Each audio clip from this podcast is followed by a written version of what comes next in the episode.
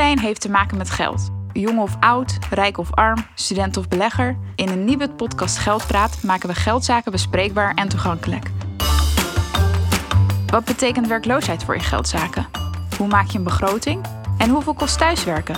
Dat en nog veel meer hoor je in Geldpraat. Hoi, leuk dat je luistert naar Geldpraat. Ik ben Max. Het studiefinancieringssysteem wordt aangepast. Het voorstel is om terug te gaan naar de basisbeurs. Op dit moment wordt in de Tweede Kamer besproken hoe de basisbeurs opnieuw kan worden ingevoerd in het komende studiejaar. Daarmee is het leenstelsel ten einde. Dit geeft een hoop vragen. Daarom zit ik hier met mijn collega Annette, die onderzoek doet naar de geldzaken van jongeren. Hoi Annette. Hoi Max, hallo. Hoi, kun je even uh, kort uh, vertellen wie je bent, wat je doet? Ja, ik ben uh, Annette Groen. Ik ben wetenschappelijk medewerker bij het NIBUD. Uh, en daarnaast ben ik ook de uh, jongeren-expert van het NIBUD. En dat wil zeggen dat ik uh, betrokken ben bij het opzetten en het uitvoeren van onderzoek onder jongeren. En ook de kennisontwikkeling rondom jongeren en hun financiën. Oké, interessant. Um, nou, wat, wat houdt het voorstel van het kabinet eigenlijk in? Ja, het voorstel houdt in dus dat er een basisbeurs gaat komen. En die basisbeurs is 255 euro per maand. Uh, dat de, de aanvullende beurs gehandhaafd blijft. En ook uh, dat de criteria voor de aanvullende beurs gehandhaafd blijven. En dat is iets van 419 euro. Oké. Okay. Als je daarvoor in aanmerking komt voor een volledige aanvullende beurs. Ja.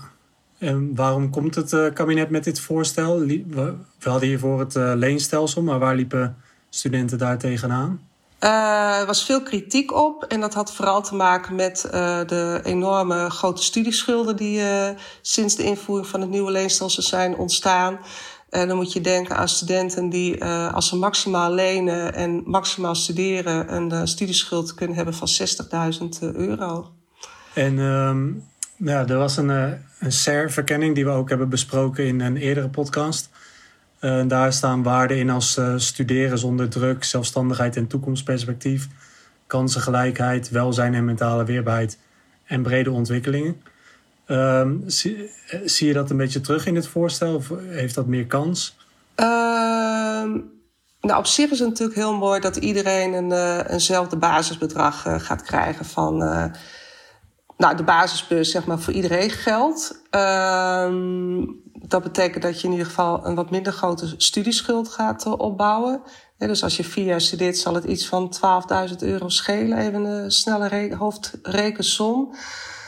Um, maar als je het hebt over uh, of dit stelsel bijdraagt aan kansengelijkheid, dan uh, ja, vinden we die aanvullende beurs, die regels dan eigenlijk nog te mager. Want we hebben ook in het studentenonderzoek hebben een soort begroting gemaakt. Uh, voor inkomens die modaal verdienen en anderhalf keer modaal verdienen. Inkomens die modaal verdienen komen aanmerking voor een volledige aanvullende beurs. En wanneer je op anderhalf keer modaal zit, dan krijg je niet meer de volledige aanvullende beurs, maar dan wordt die zeg maar afge. Dan, dan, krijg je daar maar een deel van. En daarvan zeggen we dat dat onvoldoende is voor, eigenlijk voor de middeninkomensgroep. Dus het zou mooi zijn als die regels worden verruimd, speciaal voor die groep ouders, zeg maar. Dus als je anderhalf keer modaal verdient, dat je, zou je eigenlijk in aanmerking moeten kunnen komen voor een volledig aanvullende beurs. En dan heb je 255 plus uh, 419. Uh, of de student komt dan in aanmerking voor een groter bedrag. Ja, want uh, het, zoals het nu is, gaat het eigenlijk iets te veel uit van uh, dat ouders veel kunnen bijdragen, terwijl dat eigenlijk in de praktijk wel tegenvalt. Ja, het idee achter de, uh, achter de studiefinanciering is zoals die was, zeg maar. Hè, dus voor invoering van de basisbeurs, is dat ouders een vrijwillige ouderbijdrage doen. Uh, ter grootte van de aanvullende beurs, dus rondom de 400 euro.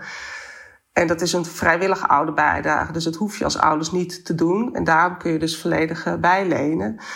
Um, maar als je kijkt naar die middeninkomensgroep, dan, uh, dan is dat niet op te brengen. Dus uh, kinderen uit dat soort gezinnen uh, moeten of bijlenen of bijwerken om hun studie te kunnen bekostigen. Wil natuurlijk niet zeggen dat kinderen van rijkere ouders ook dat geld zomaar krijgen. Want misschien zeggen die ouders wel van, nou je gaat maar volledig lenen. Of zijn de ouders gescheiden en die willen het niet betalen. Maar dat weten we niet. We weten wel van die middeninkomensgroepen, van die anderhalf keer modaal, dat het echt lastig is om zo'n vrijwillige ouderbijdrage te doen. Dus dat betekent dat die studenten uh, uit dat soort gezinnen of moeten bijwerken of sowieso met een hoge studieschuld zitten opgeschadeld. Ja, maar hoe zijn ze dan uh, tot deze bedragen gekomen? Ja, dat, is, uh, dat heb ik gevraagd. Um, er is een miljard en die, worden, die wordt gewoon verdeeld over deze posten. Dus we hebben ook gevraagd van hoe kom je aan zo'n bedrag van 255 euro en waarom ligt dat bedrag lager dan wat MBO's nu krijgen.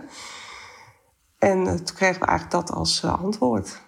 Ja, oh, dus de MBO-bijdragen uh, en die voor HBO en WO komen niet uit dezelfde pot? Ook. Nou, dat weet ik niet, maar die komen niet overeen, zeg maar. Dus ons advies ook is om, om die bedragen gelijk te trekken, om geen onderscheid te maken tussen een MBO, een HBO en een WO'er. En om te kijken naar een inflatiecorrectie. Omdat alles ook veel duurder is geworden de afgelopen, nou, vooral natuurlijk de afgelopen paar maanden, maar alles gewoon veel duurder is geworden. Ja, precies. Want we hadden het net even over de ouders, maar voor studenten is het leven natuurlijk ook gewoon uh, ja. Ja, veel duurder geworden. Ja. Um, ja, wat, wat zou er dan, uh, wat jou betreft, beter kunnen? Ik, we zagen toevallig ook een systeem in België. Uh, is de studiefinanciering gekoppeld aan het inkomen van de ouders? En da, nou, dat noem je ook al een beetje. Maar um, ja, wat, wat zouden eventuele verbeteringen kunnen zijn?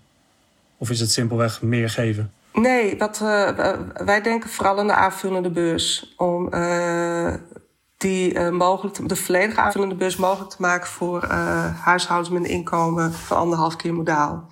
Omdat we daar vooral de kwetsbaarheid zien. En verder ken ik het systeem in België niet goed genoeg om daar een oordeel over te kunnen vellen. nee, dat snap ik. Um, nou ja, stel je, nou, er zijn waarschijnlijk veel studenten die moeten lenen. En er zijn ook veel studenten die hebben geleend en een grote schuld hebben. Wat zijn de effecten van zo'n lening of een grote schuld? We hebben niet echt gekeken van uh, in onze onderzoeken wat de effecten zijn van het hebben van een studieschuld op deze onderdelen. Wat we wel weten is dat ze zich daar zorgen over maken. En ook omdat de studieschuld gekoppeld is aan een hypotheek,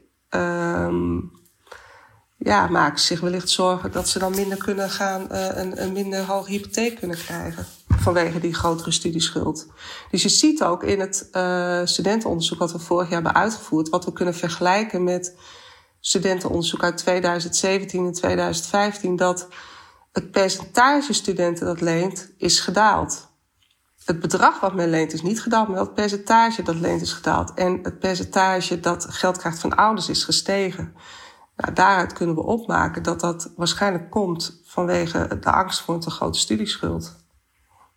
Heb je tot slot misschien uh, nog wat tips voor studenten om uh, beter rond te komen en zo dus hopelijk iets minder te kunnen lenen? Het lijkt me wel belangrijk voordat je gaat studeren om te kijken wat je ongeveer, wat je uitgaven of hoe, hoe dat er ongeveer uit gaat zien. En dan niet meteen denken van, dan ga ik maximaal lenen.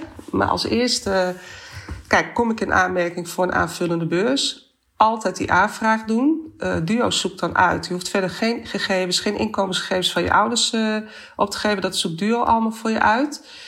Um, en dan te bedenken van, nou, wat kan ik bijverdienen met een bijbaan? Wat ook nog redelijk is, hè, dat je niet te veel uren maakt, waardoor je uh, minder goed kan studeren.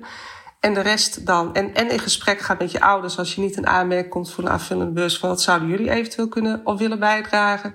En dan pas ga je leningdeel uh, bepalen. Ja, precies. Ja, en uh, zou ik nog aan willen toevoegen de toeslagen. Niet vergeten. Ja, dankjewel Max. En natuurlijk zorgtoeslag. Heel goed. Heel belangrijk om ook zorgtoeslag uh, aan te vragen. Want we zien ook vanuit ons onderzoek dat uh, nog best wel veel studenten zijn die dat niet doen. En daarmee laat je geld liggen. Ja, en dat is natuurlijk zonde. En vergeet natuurlijk ook niet de huurtoeslag. En als je een bijbaan hebt uh, om belastingaangifte te doen. Je kan ook op onze website kijken van het Nibud om te kijken wat er allemaal bij komt kijken als je gaat studeren. Daar staat ook een hele mooie tool van een rekentool van Duo. Uh, wat heel goed inzicht geeft in je uitgaven en andere inkomsten en hoeveel je dan nodig hebt om voor rond te komen. Oké, okay. nou dankjewel voor je reactie en dat je mee wilde doen aan onze podcast. Nou, niks te danken. Hartstikke leuk.